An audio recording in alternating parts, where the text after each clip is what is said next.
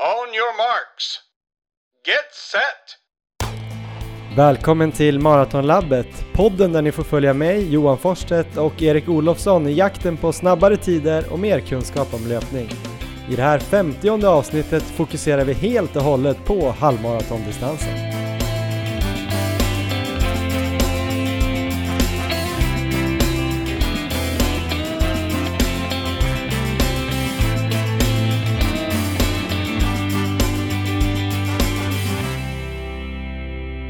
Är du redo Erik? Rullar det?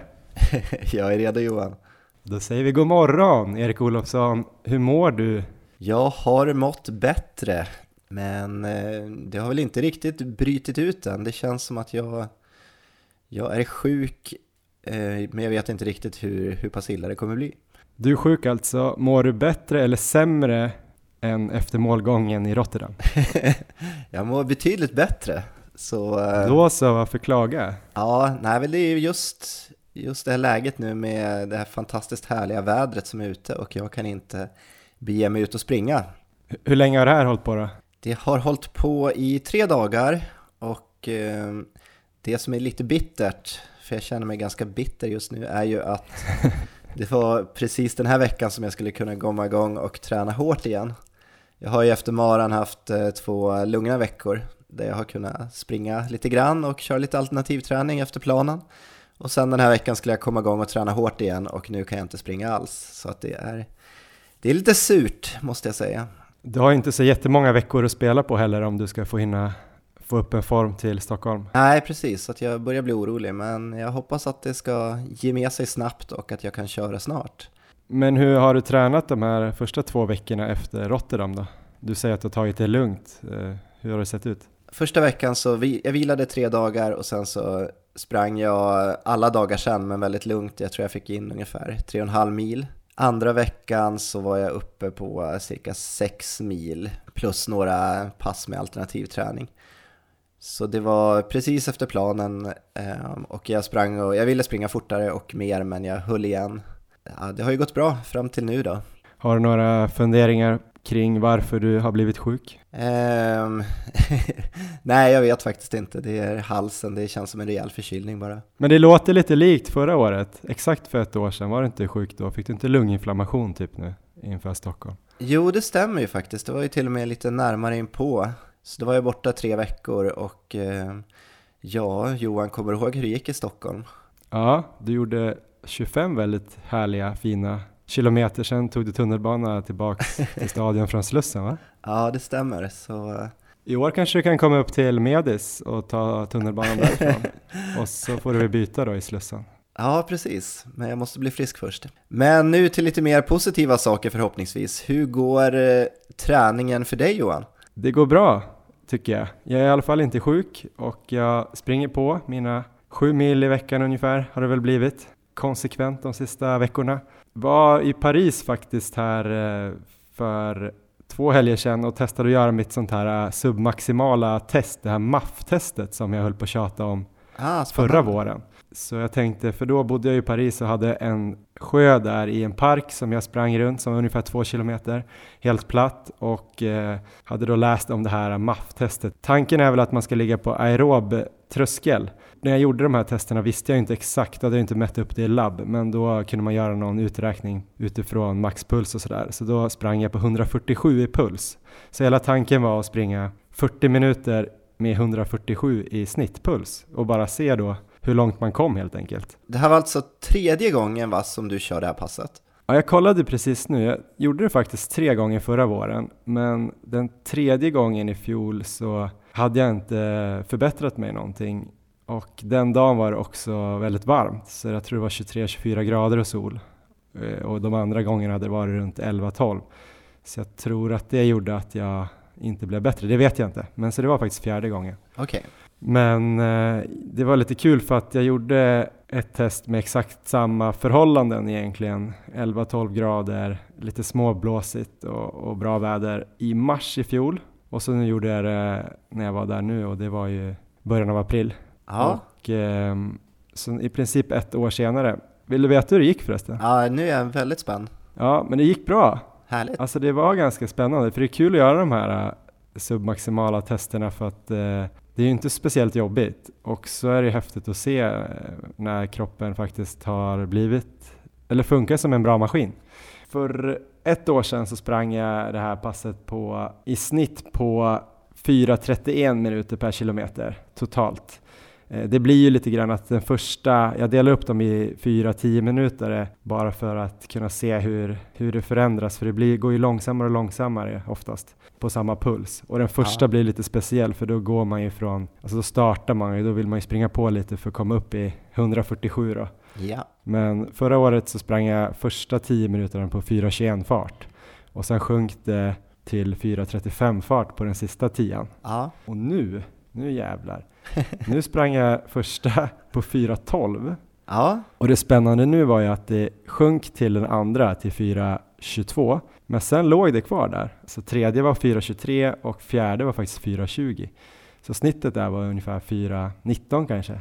Just det. Så det känns som att det blir ganska stor skillnad, eh, nästan ja, 12-13 sekunder per kilometer. Ja. Så det tycker jag låter bra. Det har hänt saker under året. Ja, så min aeroba kapacitet måste ju rimligtvis ha förbättrats i alla fall. Ja, hur länge var det första testet inför eh, halvmaran förra året? I fjol tror jag sprang det här testet ungefär fem veckor innan Madrid och nu blev det väl ja, men ungefär samma tror jag inför Kungsholmen. Ja.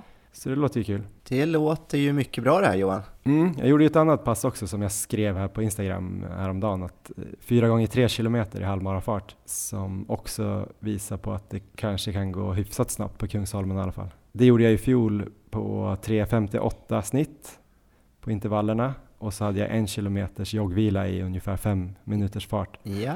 Och nu lyckades jag väl göra det på 3.46 snitt och eh, ja, ungefär samma joggvila, kanske lite snabbare, 4.50, 4.55. Just det. På samma puls också i princip. Ja. Så det är också typ 12 sekunder per kilometer på det. Det gjorde jag också precis innan eh, Madrid i fjol. Just det, det låter ju super det här. Och eh, 3.48 är det du ska hålla då om du ska springa sub 80. Ja, jag tror 3.47 för att vara på den säkra sidan. Ja. Det ligger väl någonstans mellan 3.47 och 3.48. Så, men jag tycker att vi kan bara bestämma att jag har klarat under 1.20. för att 12 eh, sekunder blir ju två minuter per, per mil och fyra minuter, ja, Ja. jag vet inte. Så då är jag ju under. Men jag håller 1.20. med, då har vi alltså klarat första målsättningen för i år. Ah, skönt. Gött. Ja, nej men eh, jag tänker att eh, vi har en ganska lång intervju idag Erik. Och Ja. den handlar också om halvmaraton. Så jag tänker att vi kanske inte behöver prata så mycket mer om du har ont i halsen också. Precis. Så vi kör igång intervjun som är med Lorenzo Nesi. Eh, Jag presenterar honom i början av intervjun också, eh, så ni behöver inte vara oroliga. Och sen kommer vi tillbaka och snacka lite mer halvmaraton utifrån vårt perspektiv. Så varsågoda, Lorenzo Nesi om halvmaraton. On your marks. Get set. Ja, men då har vi här en intervju med Lorenzo Nesi. Du är förbundskapten för svensk långlöpning, tränare i klubben FK Studenterna och en av tävlingsledarna för Kungsholmen runt. Du lever löpning kan man säga. Ja, det stämmer. Eh, förbundskapten tror jag inte jag kan kalla mig. Jag har, jag har hittat på min egen titel när det gäller landslaget. Att jag kallar mig för eh, koordinator i svensk långlöpning. Jag vet inte om det stämmer heller. Nej, men du har, någon, du har ett finger med i spelet där kring maraton och halvmaraton. Kan man Ja. säga. Mm. Det är väl jag som ska peka ut vilka som eh, kvalar in till eh, mästerskapen. Tillsammans med Karin Torneflind som är förbundskapten för hela landslaget. Just det.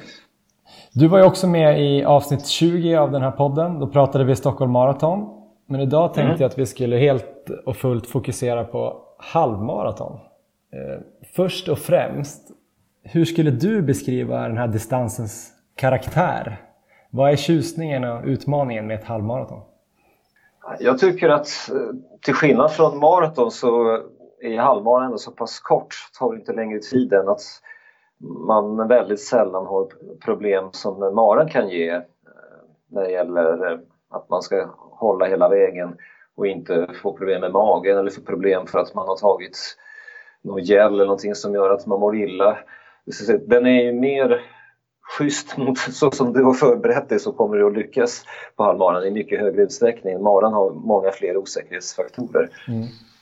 Eh, och själv har jag 10 000 meter som min absoluta favoritdistans och jag tycker att träningen för milen 10 000 meter och halvmaran skiljer ju inte speciellt mycket. Vi kommer komma in lite mer på träningen sen, ganska strax. Men först tänkte jag, du som är då koordinator eh, för svensk långlöpning. Eh, hur skulle du säga att statusen är för halvmaraton i löparvärlden? Jag tänker det finns ju inte direkt, det finns ju inte friidrotts, på friidrotts-VM till exempel och sådär.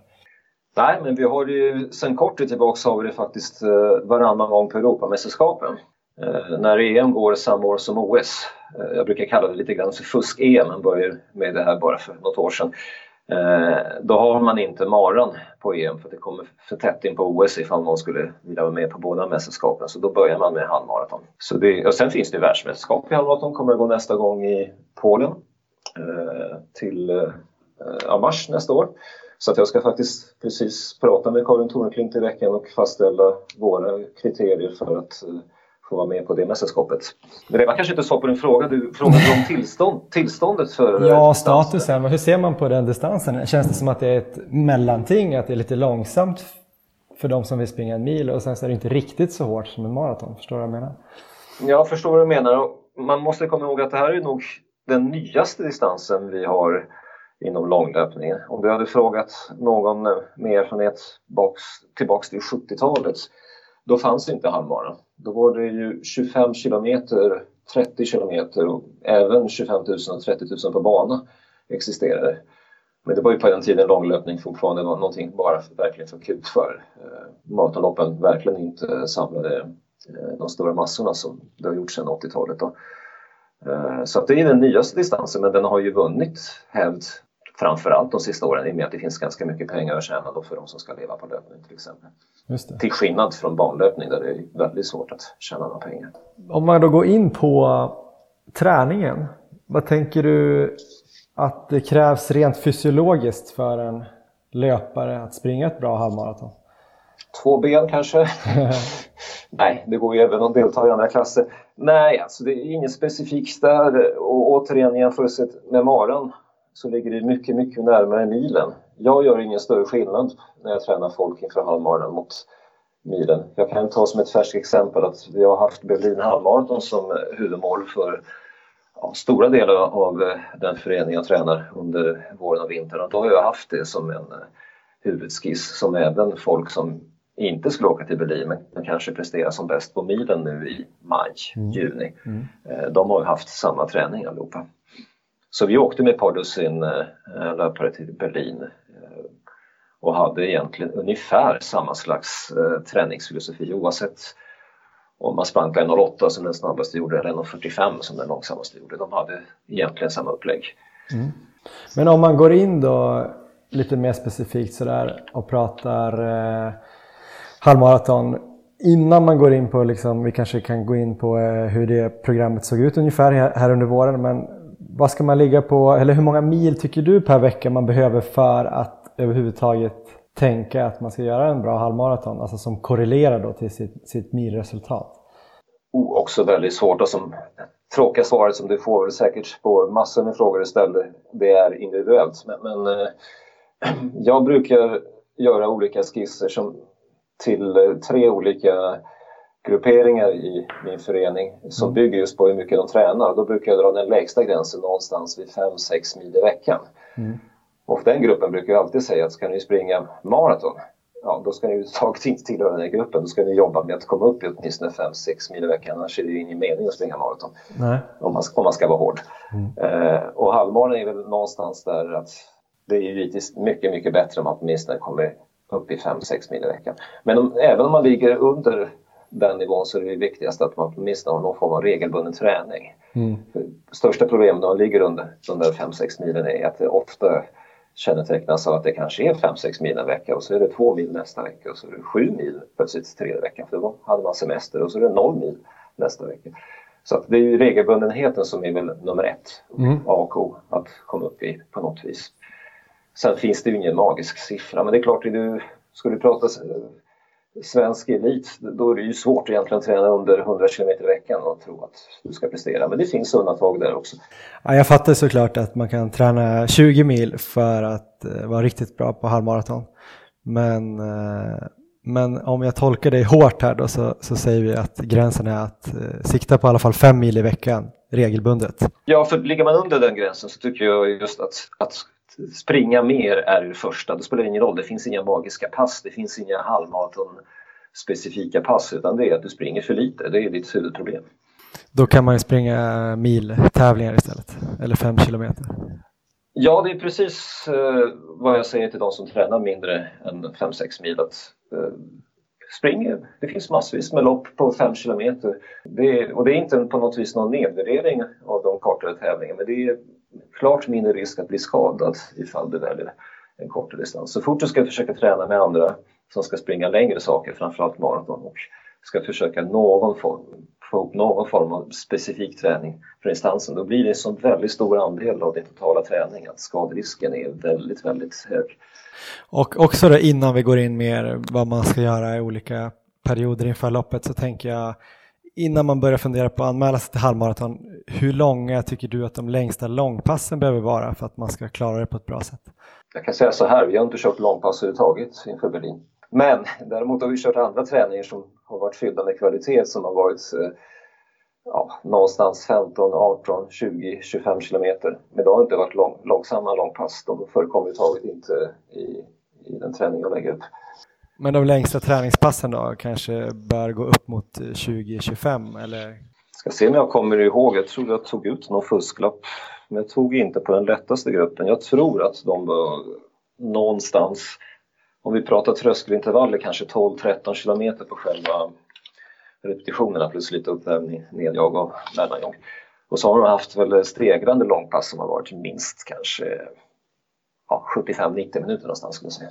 Jättebra nu tänkte jag fortsätta gå på träning här. Då. Om, om du tänker det här programmet då, om man tänker sig ungefär eh, 20 veckor brukar det kunna vara ett ganska, en ganska vanlig träningsperiod inför ett lopp. Ehm, det skulle vara ungefär från nyår till Kungsholmen runt eller varvet eller från och med nu till till exempel Stockholm halvmaraton.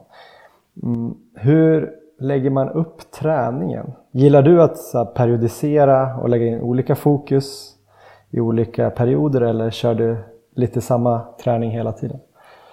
Jo, jag har ju olika cykler eller faser. Eh, sen är jag inte speciellt mycket om att periodisera vecka för vecka. Att det här är en extra tung vecka och det här är en tung vecka och det här är en mellanvecka. Det är...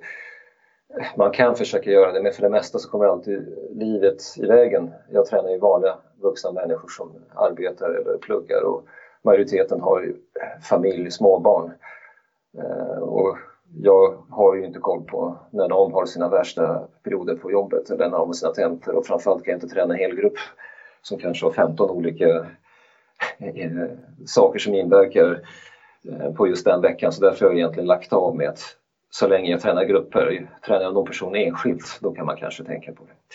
Men de här cyklerna, faserna, jag brukar säga att jag har ju en italiensk filosofi som skiljer sig lite från den svenska, åtminstone gammelsvenska traditionen när man har kanske basat ganska många mil över vintern och sen har man försökt få upp farten inför tävlingarna. Utan vi vänder ju lite på det. Vi börjar ju först med att träna det som man kallar för aerob eh, kapacitet. Mm. Där man springer väldigt mycket då i hög fart. Eh, och det ligger först egentligen Det som är allra längst bort från när man ska prestera. Just det. Och, och då ska vi tänka på att det här är långlöpare och har inte längre några som springer medeldistansen. Det här är ett svar för folk som satsar någonstans mellan milen till maraton. Mm. Sen går vi in, när vi har ökat den aeroba kapaciteten, då går vi in och jobbar på uthållighet. Eh, och nu när jag tittar specifikt hur vi gjorde det nu för Berlin så eh, var väl det blocket någonstans 8-10 veckor, uthålligheten. Mm. Förutsatt att man verkligen genomför den träning och det är en annan sak. Man kan ju skissa hur mycket träning man vill. Även där kommer livet i vägen. Eh, så att säga att det var 10 veckor på pappret så kanske det blir 7,5 i snitt eh, för de flesta. Och sen specifika cykeln den är ganska kort i min värld, någonstans 4 till 6 veckor. Hur skiljer sig de då om man rent konkret går in på olika pass? Snabbare först sa du, vad kan det vara för något som är snabbt? Är det 400 eller 800? Nej, eftersom det är på hösten så har vi lämnat eh, banan så att vi är ute i naturen så länge. Alltså så länge inte snön gör att man inte kan springa i skogen så vill jag väldigt gärna springa där det är lite kuperat och inte bara är framförallt platt asfalt eller tartan. Så att åtminstone om man tänker på hur vi har tränat inför ett lopp då i april så har vi börjat med hösten att springa dels eh, kanske någonstans 5, 6 upp till 8 minuter väldigt fort, 3-4 gånger. Vi har sprungit eh, backsprint, alltså så fort du kan eh, överhuvudtaget springa upp för en backe 50-60 meter, gå ner långsamt. Första gången kanske 6-8 gånger upp till 15 gånger. All träning jag gör är ju progressiv så att det blir mer och mer av samma sak egentligen vecka för vecka. Och just det jobbar vi med just för de flesta motionärer och är, de är ju motionärer de som jag tar hand om, eh, har ju ett egentligen lite för dåligt steg. Mm. Eh, använder alldeles för lite av det man kan använda så att man försöker få upp rörelseomfånget. Eh, och att springa riktigt, riktigt fort utan att gå sönder, det brukar vara lösningen för att överhuvudtaget få Eureka-lampan att tändas. Aha, eh, kan man springa så här? Och I början orkar man kanske bara några få meter. I förlängningen så lär sig kroppen att eh, använda det mer och mer. Och sen då när det går över på är det liksom två perioder eller är det, har du tre? Eller liksom är det, först är det lite snabbare och lite backe och få upp steget och eh, aeroba vad ska man säga, kapaciteten. Och sen när det kommer in i specifika, eller ligger det någonting mittemellan där? Nej, mittemellan ligger uthålligheten då. Vi tränar ju väldigt, väldigt, väldigt eh, mycket och väldigt, väldigt långa saker i jämförelse med de flesta mm. andra, åtminstone om vi pratar motionärer. Ehm, det är väldigt mycket av den italienska filosofin att man eh, ökar egentligen hur länge man klarar av att göra någonting. Mm. Börjar på ganska modesta eh, nivåer och sen blir det mer och mer. Nej, uthålligheten, dels så tränar vi väldigt mycket lång snabbdistans. Antingen statisk, alltså att man håller ungefär samma eh, fart eller ansträngningsnivå eller eh, progressiv, att man ökar farten. Och då kanske man börjar någonstans exklusiv uppvärmning börjar man kanske första gången runt en timme eller lite mindre ifall man tillhör den här gruppen som tränar mindre än fem mil. Eh, och på slutet är man uppe kanske i en och en halv timme. Och det kan ju vara alltså 80-90 procent av eh, halvmaratonfarten det kan vara från 80-85 till 100 procent ifall man kör progressivt så man i slutet på de här passen uppe i samma fart som eh, man har tänkt ha på tävling. Sen kör vi längre och längre trösklar också i intervallform då. Så jag kollade här allra första passet vi körde, då var det inte mer än 25 minuter. Mm. Nej, 30 minuter. Två gånger 10 minuter i halvmaratonfart och två gånger 5 minuter i tröskelfart. Mm. Och på slutet var man uppe i 18 kilometer. 3 mm. gånger 6 kilometer. I halvmaratonfart eller? Just 3 gånger 6 då var det lite under halvmaratonfart. Mm men kanske upp i 15-16 kilometer i, i ren halvmaratonfart. Även om det är ofta så att man börjar kanske i 95 procent eller sånt där halvmaratonfart och så ökar man för varje repetition. Just det. Så väldigt mycket av den träning vi gör är att det går ju eh, fortare och fortare eh, istället för att man ska starta ett lopp, rusa igenom det sen dö. Just det. det är lite, lite av vår specialitet att eh, springa jämnt eller till och med progressivt även på tävling. Och då tränar vi förstås på det sättet. Och sen har vi varje vecka har vi kört fartlek också. Det är ju en svensk eh, träningsform som eh, ofta är bortglömd. Vi är ju så himla fixerade vid våra GPS-klockor och tidtagarur nu för tiden. Man glömmer egentligen de mest grundläggande eh, träningsformer som vi har kört sedan 40-talet. Ja, före 40-talet innan man hittade på ett namn för den. Jösse Holmér började kalla det för fartlek. Eh, men vi har i och för sig haft en väldigt strukturerad fartlek där man har sprungit eh, lite fortare och lite långsammare än tävlingsfarten och skiftat det hela tiden. Eh, två, tre, fyra minuter av varje. Så varje vecka så har vi ökat andelen som har gått fortare plus att vi har ökat farten också. Hur mycket över och under halvmaratonfart ungefär? Eh, ja, den allra första gången då körde vi nog bara en halvtimme och då, då var det väldigt, väldigt lätt. Det är nästan svårt att få folk att ta det så lugnt för då var det fem minuter någonstans 25-30 sekunder långsammare än halvmaratonfart och så växlar man med 90 sekunder eh, någonstans halvmaratonfart. Och sista gången, eftersom man, man skiftar hela tiden, sista veckan då var vi uppe i att köra två minuter i 10 sekunder långsammare än halvmaratonfart och 4 minuter lite fortare än halvmaratonfart. Och så gör man det 6, 7, 8 gånger så att totalt sett blir det någonstans 30, 60, 48 minuter. Då. Ja, just det. Så det snittet på den sista där är ju minst lika snabb som eh, tävlingsfarten. Då är det uppe för de som tränar mycket i 48 minuter, något fortare än eh, tävlingsfart. Och den specifika perioden då? Vilka halvmaratons specifika pass bör man satsa på där? Vad borde jag ha gjort så att säga? Egentligen är det bara en utveckling av det man började med så det enda som är om specifikt är ju som vi pratade om trösklarna förut att i början kanske man bara klarar 20-25 minuter i halvmaratonfarten. I slutet är när du är uppe i springa långt över hälften till tre fjärdedelar av tävlingsdistansen i eh, tävlings eh, nivån. Mm. Och jag pratar egentligen hellre om ansträngningsnivå än fart. Det är kanske det som mina stackars adepter får höra mest, att jag tjatar på att sluta kolla på klockan. Det är absolut inte samma sak som det kommer på tävlingsdagen när du har eh, när du står där i tävlingsutrustning, du är formtoppad, det är 14 grader varmt och vindstilla.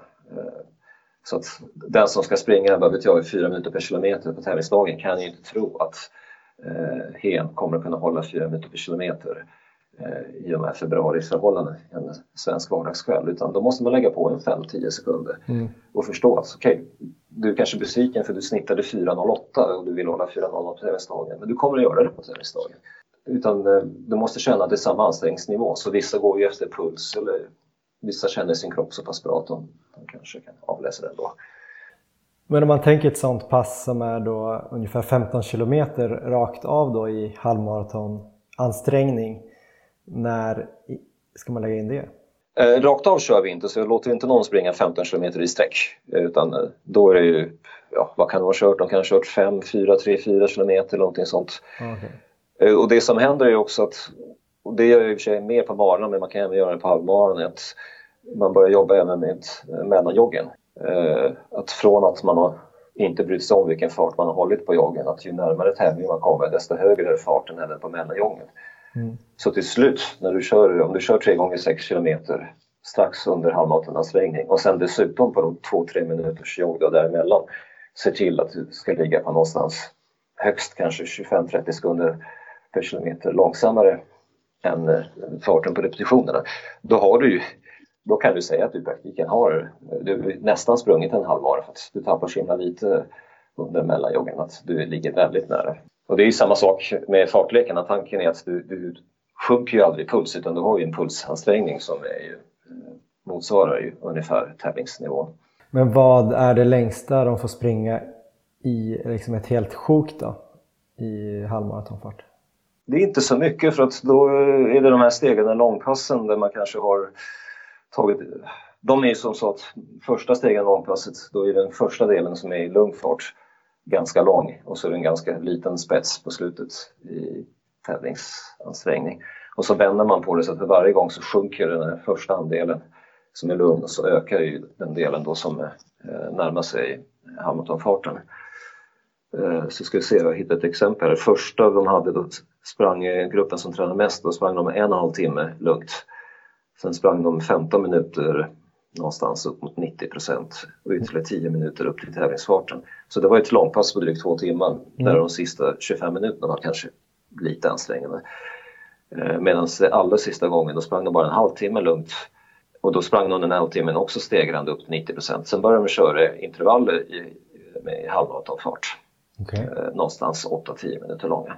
Men inte mer, än, ja, inte mer att det blev någonstans en halvtimme totalt på det. Och det här är någonting som många kanske glömmer. Att det, så det finns ju folk som är experter på att tävla på träning. Mm.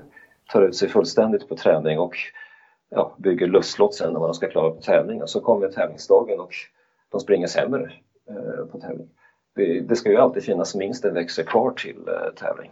Vissa har ju talangen helt enkelt att de kan fokusera så pass bra att de alltid tar ut sig mer på tävling.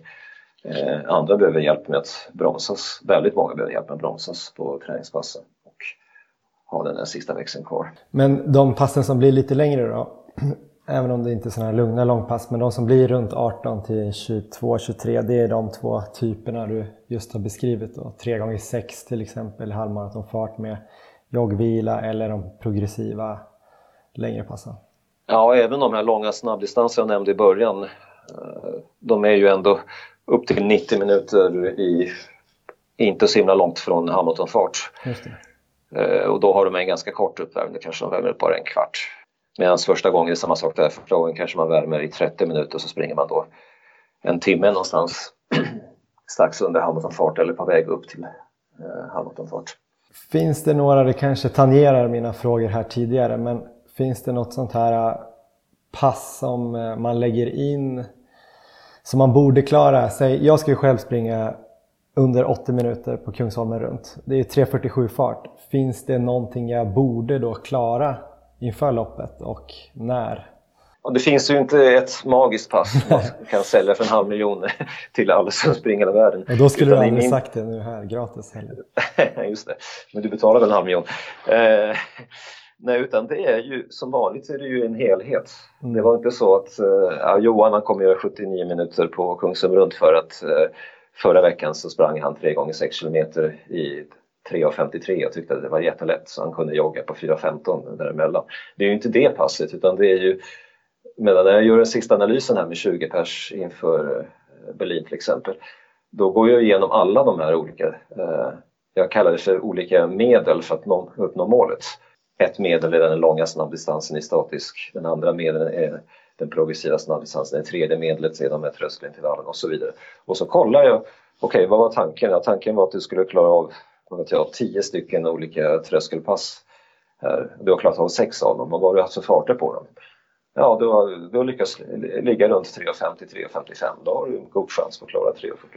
Om du därutöver dessutom har sprungit tre stycken långa eh, snabbdistanser från 70 till 90 minuter och så tittar jag, okej, okay, du har legat på 4.10, 4.05, 4.08. Ja, det ser också bra ut. Och sen lägger man ihop alla de här delarna. Men om det är någon av de här nycklarna inte fungerar då ser man ju att chansen att lyckas den sjunker ju.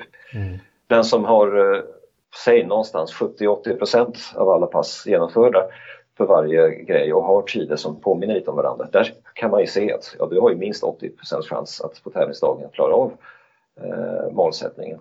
Om du nu inte får en pollenattack eller får ont i magen just den dagen.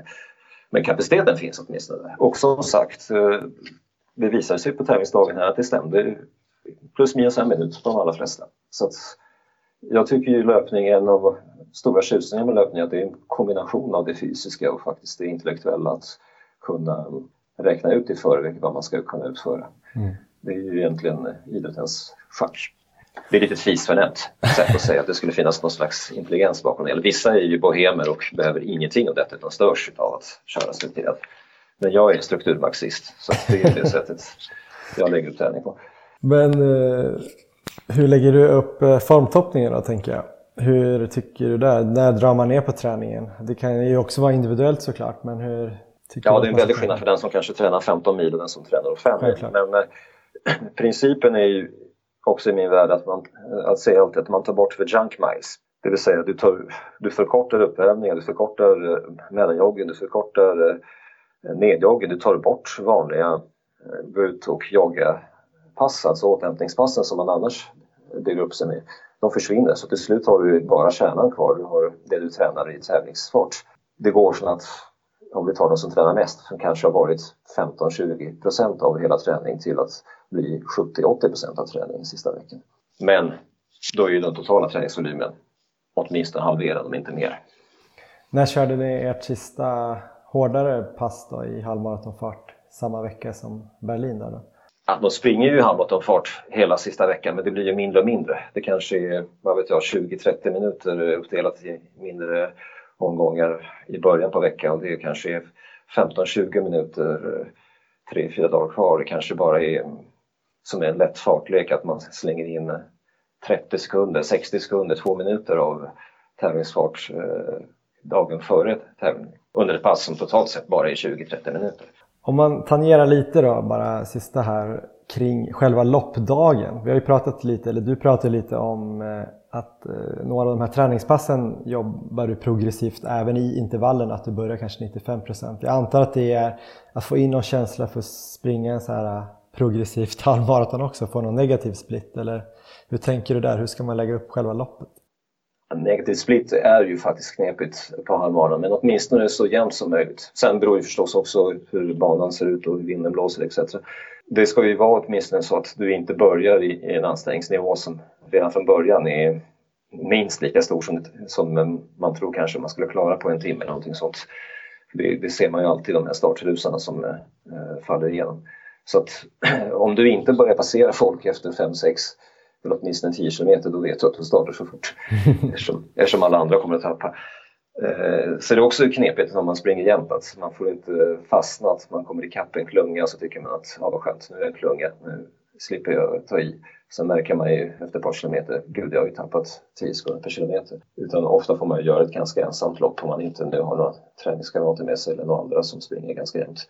Men om man tänker då bara tid, alltså det är skillnad såklart om man vill vinna ett lopp för då kan man ju vara taktisk utifrån hur de andra springer. Ja, någonting helt annat. Mm. Men om man bara då vill komma under 80 minuter, eller bara, men alltså då springer man, börjar man i 3.47 eller smyger man igång på 3.50-3.55 och sen successivt ökar? Ja, det beror ju också äh, jättemycket på vad det är för tävling. Men om du nu springer KFS runt så är det ingen tvekan att vi har ju en väldigt lätt inledning på vår bana för att ta en specifik, ett specifikt svar som inte gäller då generellt. Äh, så där, där kommer ju gå fortare. Ofta har vi lite lätt medvind också i början. Så att, äh, varvet består ju av 5-6 km som är väldigt, väldigt lätta och sen kommer det lite knixar och ett par backar. Mm. Så att där blir det automatiskt så att det blir ju lite snabbare snitt Eh, på den första halvan till de första två tredjedelarna på varvet. Sen behöver man kanske inte göra en eh, Adam Abraham som eh, passerar på 29.30 som han gjorde i fjol på första milen på halvmånen. Det är lite snabbt. Det är lite snabbt. Han lyckas inte faktiskt slå barnrekordet även om det skulle pekat mot ja, 1.02 i sådana fall. Vad bör, tycker du att man bör få i sig då? Näringsmässigt och vätska om man är i den nivån att man kanske springer i alla fall 1.40 eller snabbare? Inget specifikt alls skulle jag säga. 1.40 eh, kräver inte så mycket.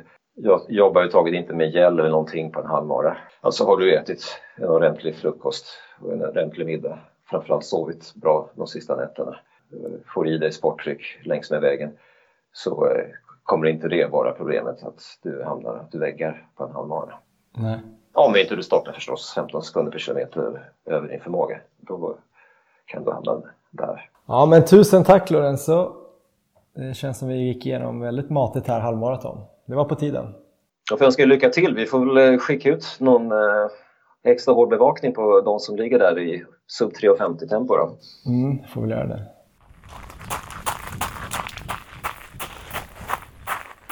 Ja, Erik, eh, höll du dig vaken under hela intervjun? Alltså jag menar inte att den var dålig och tråkig, men den var ganska lång och ingående. Verkligen matig och eh, väldigt mycket bra pass tycker jag man fick, fick med sig här. Ja, det kändes ju som att i den där intervjun så finns ju hela grunden till att lägga upp ett ett eget eh, schema kring halvmaraton, om man nu tror på den här filosofin, den italienska filosofin, som ja, vi också tror på va? Det gör vi. Utan att jag låtsas som att jag kan så jäkla mycket, men det är väl lite Canova-stuk. ja, jag varit ju sjukt sugen på halvmara, så jag kanske ska byta mål också och ta rygg på dig. Det är väldigt roligt att, att träna för halvmaraton tycker jag, för att det är inte det där äh, stenhårda hela tiden som man kanske borde göra om man ska springa fem eller också kanske tio i viss mån. Ja. Men det är heller inte det där malandet och, som det är på maraton, de här jättelånga maraintervallerna och jättelånga långpassen och sådär. Ja, det är också ganska kul. Men om det är fler som blev sugen på att springa halvmaraton eller milen på KFS Kungsholmen runt, som ju är om 15 dagar, 11 maj, när det här släpps är det alltså 15 dagar, så har vi faktiskt fått äran att eh, ge ut en liten rabattkod som är Maratonlabbet 15. Och det är alltså 15 dagar kvar och det är 15 då på anmälningsavgiften. Det tyckte vi var kul. Det är ju jättebra. Ja, så Maratonlabbet 15 kan ni anmäla er med där. Så uh, det är ett uh, väldigt trevligt lopp. Jag tror det var den snabbaste landsvägsmilloppet i fjol, alltså den bästa tiden sattes där. Och halvmaran borde väl vara rimligt snabb också då, eftersom det är två varv på samma bana. Just det. Har du sprungit förut där? Jag har aldrig sprungit, jag har varit där och tittat några gånger. Eh, det brukar ju vara liksom ett stort men ändå gemytligt lopp tycker jag. Ja, jag, kom, jag sprang ju där tror jag 2016, precis när jag hade börjat springa efter, efter min viktnedgång. Ehm, Just det. Och då, Hur gick det då?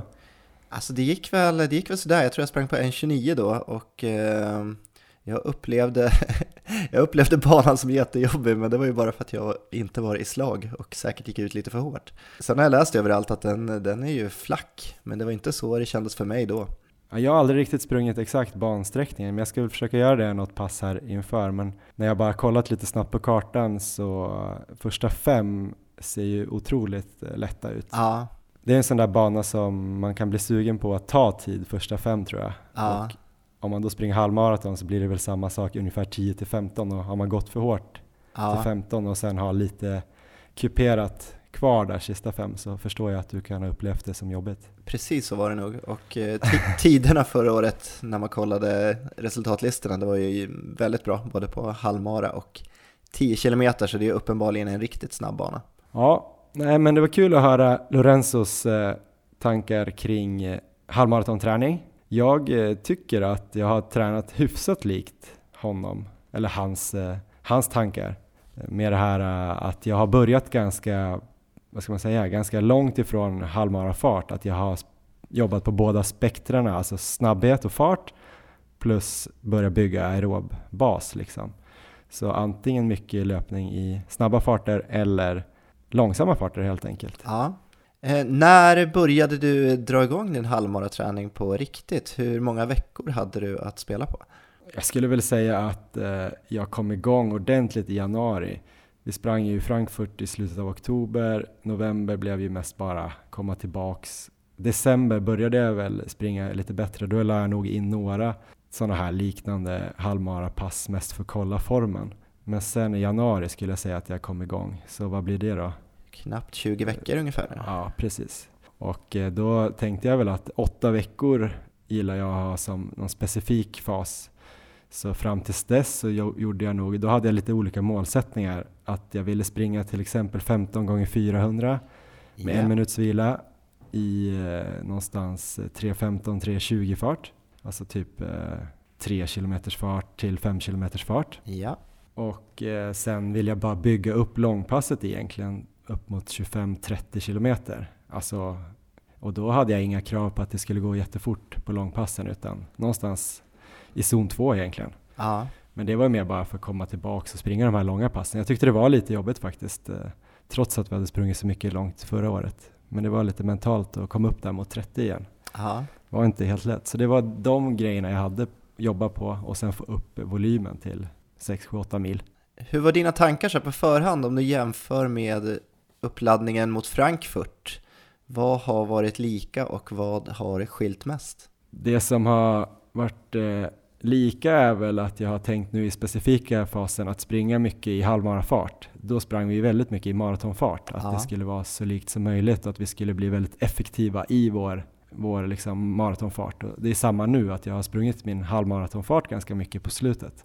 Som då är 3.47, försökt pricka det. Ja. Det är ju lite långsammare än min tröskelfart då, några sekunder. Så där har jag försökt ligga ganska mycket och då har jag väl legat runt 5-6 slag från anaeroba tröskelpulsen och bara försöka, försöka gilla den känslan och, och lära kroppen att springa bra där med avslappnad teknik och sådär. Så det har varit ganska likt, fast farten har då varit snabbare såklart. Och eh, den andra grejen som har varit lik är väl att eh, fartgrejerna, alltså riktigt snabba grejer, har jag ju Aha. liksom sprungit mindre och mindre av ju närmare loppet jag kommer och mer försöka bara upprätthålla att jag byggde upp det tidigt, Just alltså det. fart. Och sen nu så springer jag bara lite strides eller kan någon fartlek där jag kan vara uppe i lite så här fem kilometers fart, men mest för att upprätthålla den här snabbheten. Inte att, jag, inte att jag går ut och gör 400 nu i 3.15 fart, för det behöver jag inte göra nu. Nu ska jag ju bli, bli en maskin för halvmaraton. Eh, en grej som varit annorlunda, om, det är väl att eh, från maratonträningen, det är väl att eh, alltså långpassen har inte alls varit lika långa. Jag tror det längsta jag sprungit är 30. Ja, och inför maran så var du uppe på 38 va?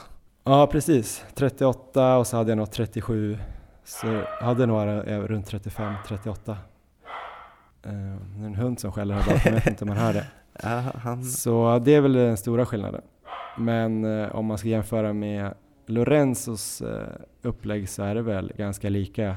Ja, men springa mycket delar i halvmaratonfart och att långpassen är kanske då 20-25 men att det kanske finns ganska mycket inslag av, av halvmaratonfart eller snabbare. De grejerna jag inte har gjort är väl de här progressiva långpassen. Ja, Men det blev jag lite sugen på att köra nu i helgen kanske.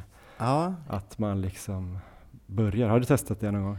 Ehm, kanske inte just för halvmaraton då, men eh, jag har ju lyssnat lite på lite andra podcasts som har gått igenom lite om halvmaratonträning och det påminner väldigt mycket om Lorenzos tankar och just de här att eh, göra långpassen progressiva var någonting de var väldigt mycket inne på. Mm. Ehm, så det verkar ju just för halvmaratonträning vara väldigt viktigt att liksom avsluta kanske i halvmarafart eller till och med lite snabbare, men just ja, att börja lite lugnare och ökar allt eftersom. Lite, kani- lite kenyanskt nästan skulle man kunna säga. Ja, jag har gjort några pass som, där det har varit snabba avslutningar, men då har jag mer kört till exempel, som jag gjorde nu, är att jag körde 10 och sen körde lite fartlek eh, i 3 kilometer. Ja. Sen joggade jag några kilometer och sen så sprang jag 5 kilometer mellan 15 och 20 i 3.47, eller ja det blev 3.41, jag tror det var medvind. Men eh, ja, så sprang jag 5 kilometer, men då körde jag rakt av i samma fart. Det där låter lite som en, en sån här mindre variant av Ekvalls monsterpass. Ja, lustigt att du tycker det, för det var ju lite därifrån jag tog inspirationen. Ja. Just för att eh, köra de där fartleken för att slå sönder benen lite. Eller vad man ska säga, bli lite trötta i be- trött i benen och sen kunna försöka ändå mata på. Så det var, jag tror det var effektivt. Ja. Nu har ju du alltså, vi har ju bestämt här att du redan har klarat 1,20. Just det, jag behöver inte springa. Men eh, jag tänkte, det låter ju som att det mesta gått väldigt bra. Har du haft några pass som, eh, som har varit tuffare eller gått lite sämre? Eller har allt bara gått efter planen och du har klarat allt? Eh, bra fråga Erik. Jag har i sådana fall förträngt det om det har gått riktigt dåligt. Ja, men jag har haft något där jag var tvungen att bryta av liksom. Men det var ganska länge sedan nu. När jag liksom skulle göra fem gånger två eller någonting och det kändes skitjobbigt. det var någon gång i, i februari tror jag. Så att jag har liksom vänt på det lite grann förhoppningsvis. Att Ja. jag var lite sämre i februari. Men nu börjar jag närma mig toppformen. Och alltså inte göra som du, att vara skitbra i februari. och sen börja känna att man missar pass i slutet. ja men det låter jättepositivt. För det kände jag att jag tog med mig därifrån. Att man kan nog lita ganska mycket på veckorna inför där. Att om formen är på plats eller inte. Jag har några pass kvar att köra som ska vara i halvmaratonfart som kommer förhoppningsvis eh, inte sänka mig utan vässa formen ännu mer. Men eh, vi får väl se. Det jag ska göra något så här två gånger sex kilometer Ja, som är lite likt. Jag vet inte om det är för fjantigt. Jag kanske borde göra tre gånger sex. Men jag tror två gånger sex kommer vara bra att börja med. Och sen funderar jag på att göra en, en gånger tolv eller något sånt där. Eller en gånger femton kanske. Där har jag fått något tips om att göra 15 i halvmaratonfart. Ja. eh, I fjol gjorde jag bara 10 som mest i en, en chunk så att säga. ja det, låter ju, det låter ju tufft. Men eh, inte allt för nära så borde det ju fungera. Hur länge har du kvar att spela på nu? Nu är det väl, eh, ja, när det här släpps då är det ju två veckor kvar. Ja. Så nu är det väl två och en halv när vi spelar in. Hur ser upplägget ut nu den sista perioden då? Ja, men jag kommer nog köra nu torsdag, lördag, måndag, tre hårda halvmaratonpass. Så det blir lite hårt här då med bara en dags vila emellan. Ja. Eh, och det blir det här två gånger sex. Sen blir det ett långpass på lördag som antingen blir likt det jag körde förra veckan, det där som vi pratade om, Ekvall light halvmara-varianten. Eller något sånt där progressivt då kanske. Och sen på måndagen om det känns bra så funderar jag på att köra den där kanske tolvan i halvmaratonfart. ja. Sen ska ju du, jag och Per ut och köra ett långpass på Sörmlandsleden eller om det blir Roslagsleden på onsdagen. Men det tänker jag att det blir mer upplevelse. Och Ja. sen sista helgen där, eh, ja men jag har inte riktigt lagt det så långt men då känner jag mig lite så här att jag kommer vara klar med det. Kanske att jag har något pass den sista helgen men jag tror inte att jag ska köra så himla hårt och inte så långt i alla fall. Men eh, sen drar jag nog ner bara på volymen och håller kvar intensiteten runt halvmaratonfart sista tio dagarna. Ja, och eh, en annan sak jag tänkte på det är, du kör ju inget preparationslopp inför halvmaran här. Är det ett medvetet val eller var det att du inte hittade något riktigt bra lopp att köra? Nej, men det var inte helt medvetet. Jag har letat lopp att springa. Jag tänkte springa premiärmilen och varvet-milen, men de brann inne på grund av jobb. Och sen har jag letat något här närmare inpå, för jag tror att det skulle vara bra att springa en tia i alla fall. Men jag har inte riktigt hittat något som har passat med resten av livet. Så nu kanske det blir lite orientering bara. Ja. Sista helgen innan. det låter väl eh, som att du skulle kanske göra någon varningsflagg för det. Jag kanske kommer stuka mig eller någonting. Men eh, det är så jäkla kul så att jag tror inte jag kommer hålla mig undan. Det är en jätterolig tävling i Stockholm. Fredag, lördag, söndag. Så jag kanske kommer köra det. Det kommer att ge mycket positiv energi så det blir nog utmärkt, tror jag, som uppladdning för dig. Ja, och du då, tror du att du kommer komma till start på 10 kilometer? Alltså jag är ju anmäld också till Kungsholmen, 10 kilometer då, men eh, alltså det känns som att jag inte har sprungit någon fart på hur länge som helst. För jag hade ju en sjukdoms och skadeperiod där inför Rotterdam och sen så skulle jag formtoppa och sen så sprang jag i Rotterdam och efter det så har jag sprungit lugnt också och nu är jag sjuk så det, jag har ju, det känns inte som att jag har sprungit fart på typ 2-3 månader. Ehm, så uh, jag, ja, jag hoppas väl komma till start men uh, mina förhoppningar där är väldigt, väldigt låga. Ja, men vi får väl hoppas att du blir frisk i alla fall Erik, så du kan börja träna. Det vore väldigt kul om du kom till start uh, på Kungsholmen. Absolut. Och det tror jag att du kommer göra och när du säger att du inte har sprungit fart så är det väl ändå så här 3.30 är ju ingen fart för dig. Nej, men det ska bli spännande att se hur du kommer igång. Ja, jag, jag hoppas väl eh, kanske till helgen, eller ungefär när det här släpps, att jag är igång och springer igen nu. Så eh, sen får vi se, jag har inte så många veckor att spela på där inför Stockholm då, så det blir väl kanske en två, tre veckor där jag hoppas kunna träna bra i alla fall. Man får väl helt enkelt eh, gå in och kolla på Instagram, på Maratonlabbet, se om det kommer upp några löpbilder på dig där snart. Det har varit lite dåligt med dem sista, ja. sista dagarna här. Eller sjukbilder. Sjukbilder kan komma upp, mer troligt. Ja. Strava då, där heter du Erik Olofsson. Kommer det upp så här sjukdomspass där? Eller kommer det löppass där tror du? Det, det, har varit väldigt tomt där, men vi får väl se om det dyker upp något. Ja, det ska bli kul att se. Du får helt enkelt krya på dig så hörs vi om två veckor. Det gör vi Johan, lycka till med träningen. Detsamma. Hej hej. Hej.